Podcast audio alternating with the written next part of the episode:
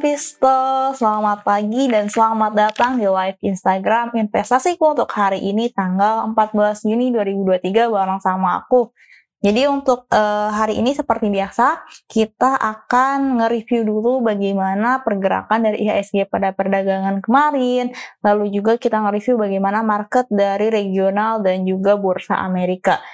Kemudian baru setelah itu kita akan lanjut buat ngebahas uh, outlook IHSG di hari ini serta trading idea. Dan untuk terakhir kita akan ngebahas ada sentimen apa aja dari market domestik dan juga dari market global yang bakal ngaruh uh, informasinya ke market Indonesia seperti itu. Oke, langsung aja kita ngelihat bagaimana pergerakan IHSG pada hari kemarin.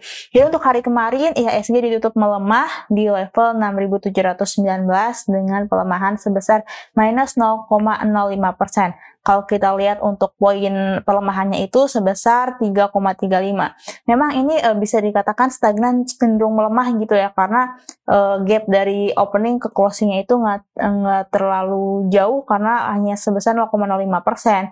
Lalu juga untuk misalkan kita lihat e, graf pergerakannya itu pada perdagangan kemarin cukup fluktuatif kawan Visto di mana pas awal opening itu IHSG dibuka di zona hijau, lalu baru e, 30 menit atau 15 menit setelah itu langsung bergerak berbalik arah, bergerak di zona merah seperti itu.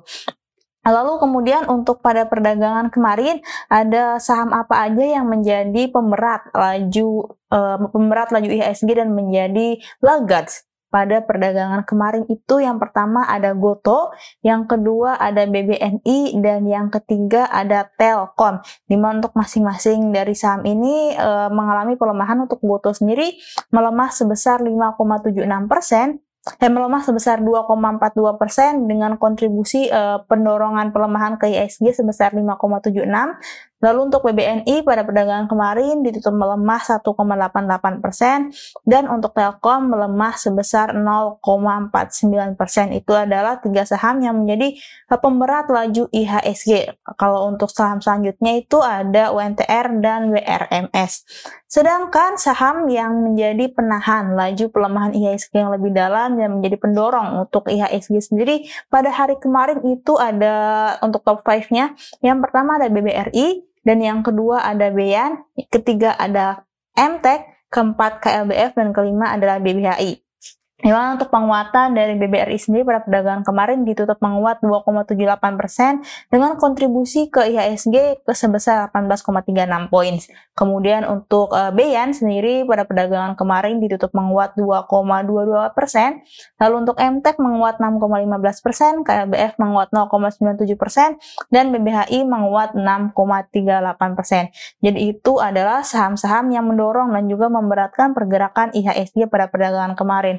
Kalau misalkan kita lihat secara sektoral, itu pada perdagangan kemarin terdapat 9 sektor yang ditutup melemah dengan pelemahan terdalam. Itu dari IDX Basic yang melemah sebesar 1,21 persen, lalu eh, di IDX Trans yang melemah 1,21 persen, kemudian disusul oleh IDX Basic yang melemah 0,92 persen.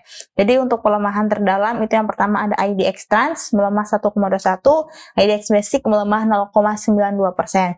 Sedangkan untuk dua sektor lain, kan ada 11 sektor. Dari 9 yang melemah, ada dua sektor yang ditutup menguat dengan penguatan tertinggi dialami oleh IDX Cyclical yang menguat 0,39% dan IDX Health yang menguat 0,23%. Jadi itu untuk pergerakan saham uh, IHSG, pergerakan indeks saham Indonesia pada perdagangan kemarin. Lalu untuk aksi asing sendiri, pada perdagangan kemarin itu asing mencatatkan net sell jadi uh, secara keseluruhan asing mencatatkan net sale value sebesar 115 bio. Jadi kalau misalkan kita breakdown lagi itu untuk uh, market reguler sebesar 43 bio untuk net sale-nya dan untuk uh, market negosiasi dan tunai sebesar 71,6 bio. Jadi uh, mayoritas Aksi asing net sell-nya terjadi di market negosiasi dan juga market tunai.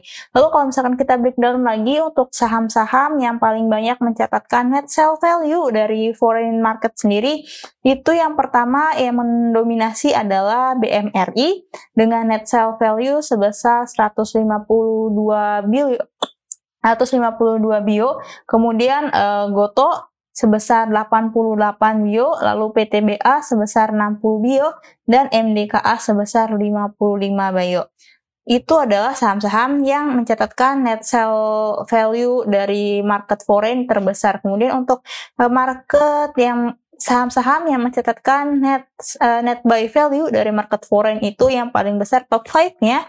Yang pertama adalah BBRI, yang kedua adalah ASI, yang ketiga ada BBCA, yang keempat Telkom, dan yang kelima ada Adro. Di mana untuk BBRI sendiri mencatatkan net buy value sebesar 278 eh, bio, kemudian untuk ASI sebesar 79 bio, lalu untuk BCA sebesar 53 bio, Telkom 22 bio, dan juga Andro sebesar 21 bio. Jadi itu adalah saham-saham yang paling banyak diakumulasi oleh ASI yang mencatatkan net buy value pada perdagangan kemarin.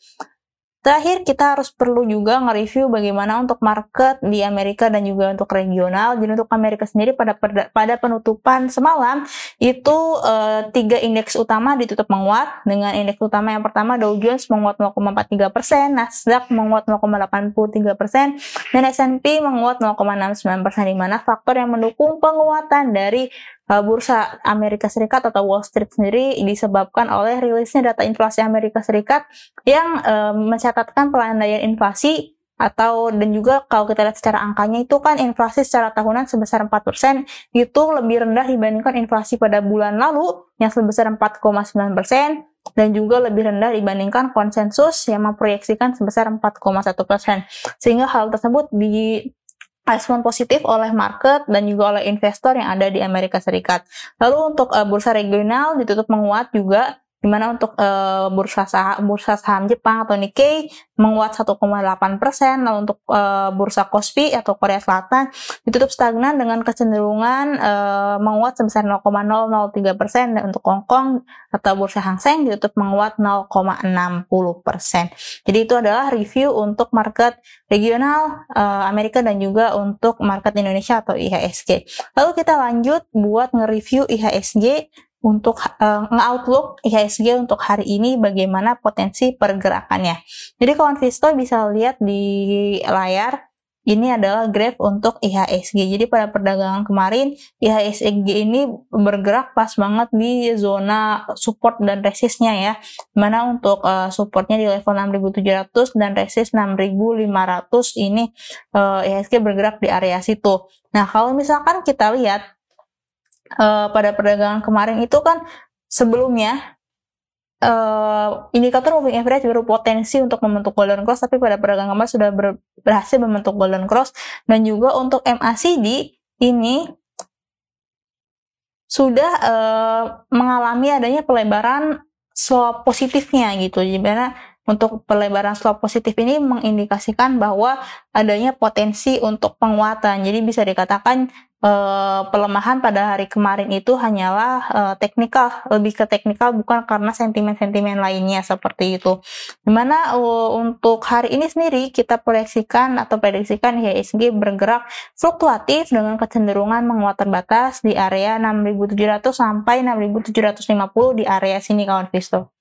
Ini untuk proyeksi untuk IHSG di hari ini, tapi e, hal tersebut tidak terjadi jika IHSG ada pembalikan atau pelemahan kembali di bawah 6.700 karena jika IHSG bergerak di bawah atau lebih rendah dari 6.700 maka ada potensi untuk pelemahan selanjutnya di level 6.664 seperti itu. Lalu untuk uh, support dari IHSG support pertama di level 6.700, support uh, kedua dari level 6.664, support ketiga dari level 6.635. Kemudian untuk resist sendiri uh, resist pertama ada di level 6735, kedua ada di level 6750 dan ketiga ada di level 6800 untuk IHSG. Lalu kita lanjut buat ngebahas trading idea untuk hari ini. Trading idea yang pertama adalah BBNI. Oke nih konflik bisa kita lihat dari chart yang muncul di layar BBNI sendiri secara short term itu mulai membentuk trend line atau channel trend line uh, uptrend ya atau bullish. Jadi bisa kita lihat pada perdagangan kemarin kan BBNI ditutup melemah di level 9125 dan ini ini pun uh, pada perdagangan kemarin pas banget menguji support dari channel trend lainnya yang ada di area 9100 sampai 9125 di area situ. Sehingga uh, hal ini bisa menjadikan kita ngasih rate untuk BBNI spekulatif buy ya. Spekulatif buy karena ada potensi rebound setelah BNI pada perdagangan kemarin menyentuh supportnya. Jadi uh, rebound ini nanti ada potensi untuk penguatan menuju level 9250 sampai 9275 di sini di area sini. Jadi untuk area sini bisa dijadikan untuk taking profit dari BBNI dengan rating spekulatif buy. Lalu untuk entry levelnya bisa dijadikan uh, harga closing kemarin di 9125 sampai 9150 nih karena pas banget di support sini ya bisa dijadikan sebagai level entry dari saham BBNI dengan stop lossnya di bawah 9100 jadi ketika misalkan saham BNI bergerak di bawah 9100 maka ada potensi uh, penurunan kembali dan uh, breakdown support dari trend line tersebut sehingga nanti bakal membuat support baru di situ untuk trend lainnya. Kemudian uh, kita lanjut untuk trading idea berikutnya adalah BMRI.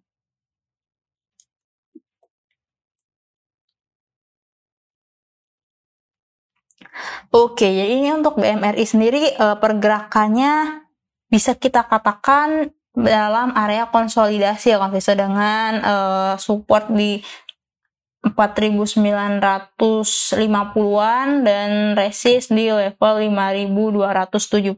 Jadi area untuk konsolidasinya di area sini. Di mana untuk pada perdagangan kemarin ditutup uh, stagnan di level 5.100 dan itu pas banget menguji resistnya di level 5.100 itu sendiri. Nah, oleh karena itu untuk BMRI sendiri kita kasih ratingnya buy on breakout karena uh, karena BRI BMRI sendiri pada perdagangan kemarin belum berhasil untuk nge-breakout resistnya di level 5100 ini maka uh, kalau misalkan lebih amannya atau idealnya itu bisa untuk masuk setelah BMRI fix untuk breakout resist di sini. Jadi bisa jadikan entry levelnya di level 5125 sampai 5150 setelah setelah benar-benar break ngebreak resist ini. Dan untuk uh, taking profit areanya bisa dijadikan resist di sini nih di level 5275 sampai 5300 untuk area taking profit dari BMRI.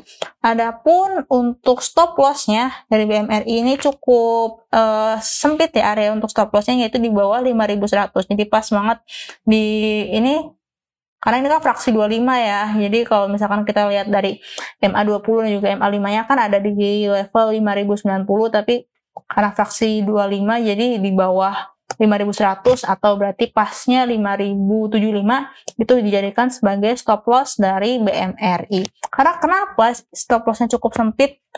Ketika BMRI bergerak di bawah ini, maka ada potensi untuk pelemahan selanjutnya ke supportnya, yaitu di level 4000, 4000 berapa nih? 4975-an di area sini, maka perlu diwaspadai. Jadi stop uh, stop lossnya cukup sempit dibandingkan eh, dari entry levelnya. Nah, kalau misalkan kita lihat untuk presentase keuntungan jika berhasil BMRI ini berhasil nge-breakout uh, resist tadi dan ber, uh, bergerak menuju level 5300 maka ada potensi uh, keuntungan sebesar berapa tadi 3,28 persen itu secara untuk grossnya ya dari BMRI. Lalu untuk trading idea berikutnya adalah MTEK.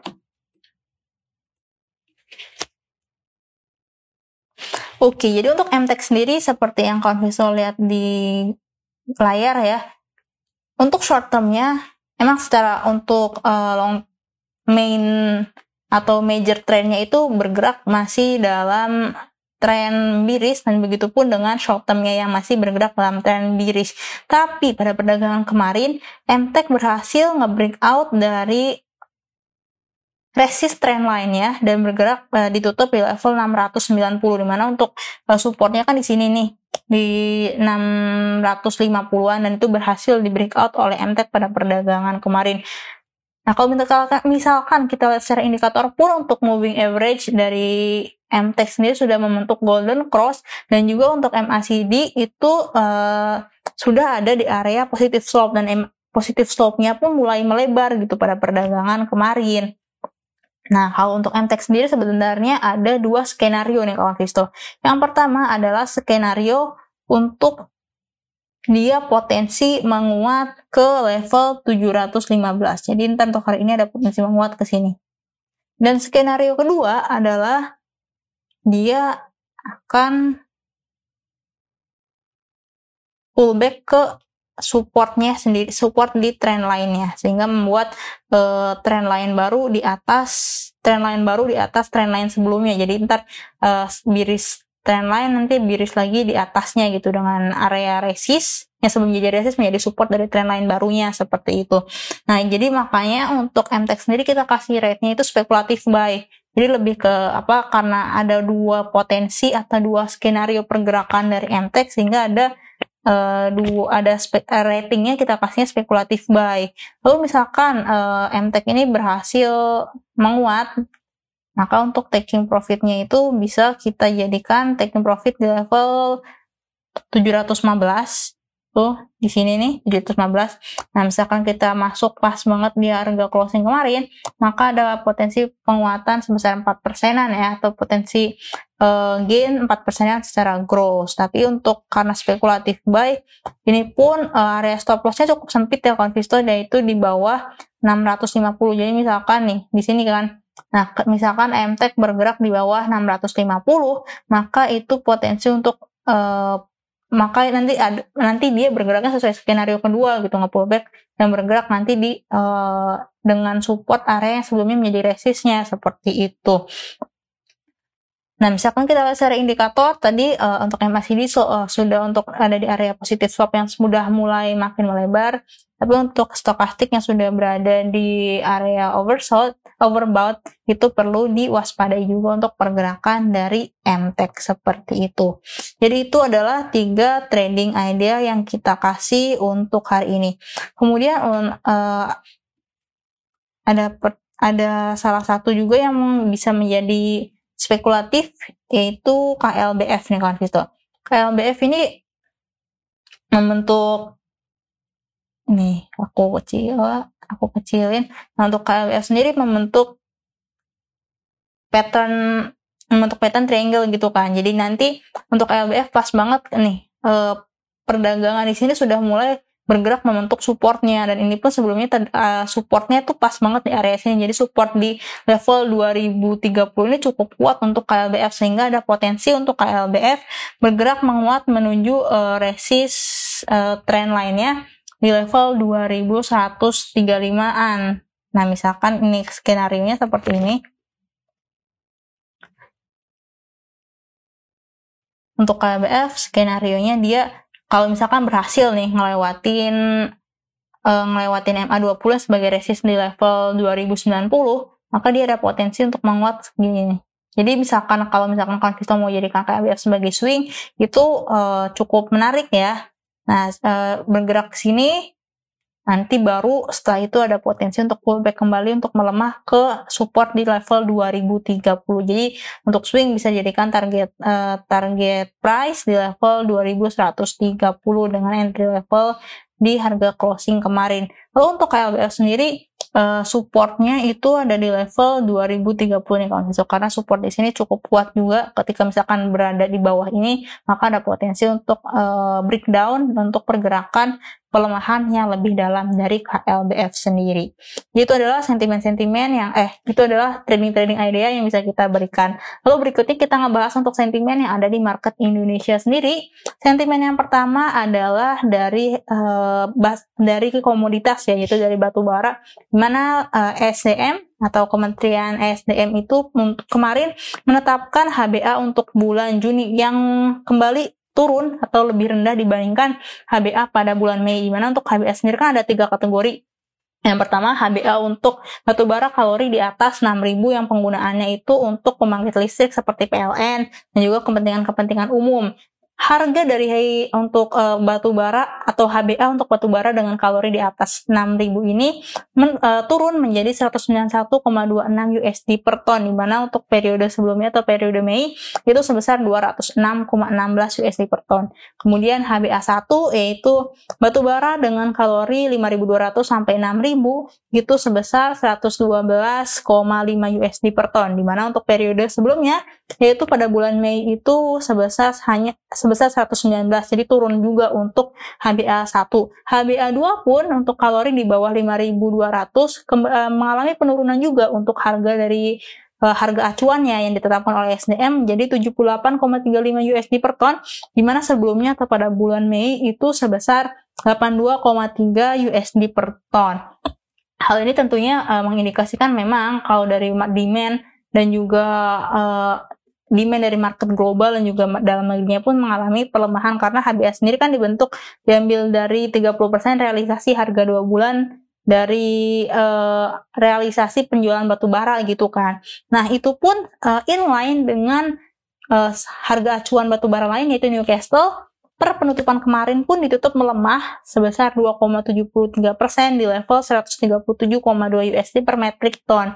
Jadi untuk batu bara sendiri masih uh, dibayang-bayang oleh sentimen negatif dari penurunan HBA dan juga uh, harga indik, uh, harga komoditas batu bara yang menjadi acuannya pun yang masih melemah. Kemudian sentimen negatif lainnya datang dari Vietnam kawan Vista walaupun Vietnam sendiri secara penggunaan atau demand-nya tidak, tidak terlalu besar ke coal secara global dan juga secara Indonesia, tapi Vietnam sendiri uh, menyatakan bahwa dari pemerintah memberi apa ya saran atau arahan gitu ya untuk uh, pembangkit listriknya beralih energinya dari pembangkit listrik uh, penggunaan batu bara ke green hidrogen dan juga amonia. Karena negara tersebut juga memiliki komitmen untuk menuju net zero. Dan juga kalau kita lihat secara impor batu bara dari Cina karena Cina sendiri kan merupakan negara dengan konsumsi batu bara terbesar di dunia ya yang kemudian dilanjutkan oleh India. Itu impor batu baranya per April turun menjadi 8,38 juta metrik ton. Itu menurun juga kalau kita misalkan lihat secara impor keseluruhan Cina pun eh, per Mei itu turun 4,5% secara year on year ya. Jadi mengindikasikan bahwa demand dari Cina pun masih belum kembali ya. Kalau kita lihat dari CPI-nya pun masih cukup rendah yaitu 0,2 persen.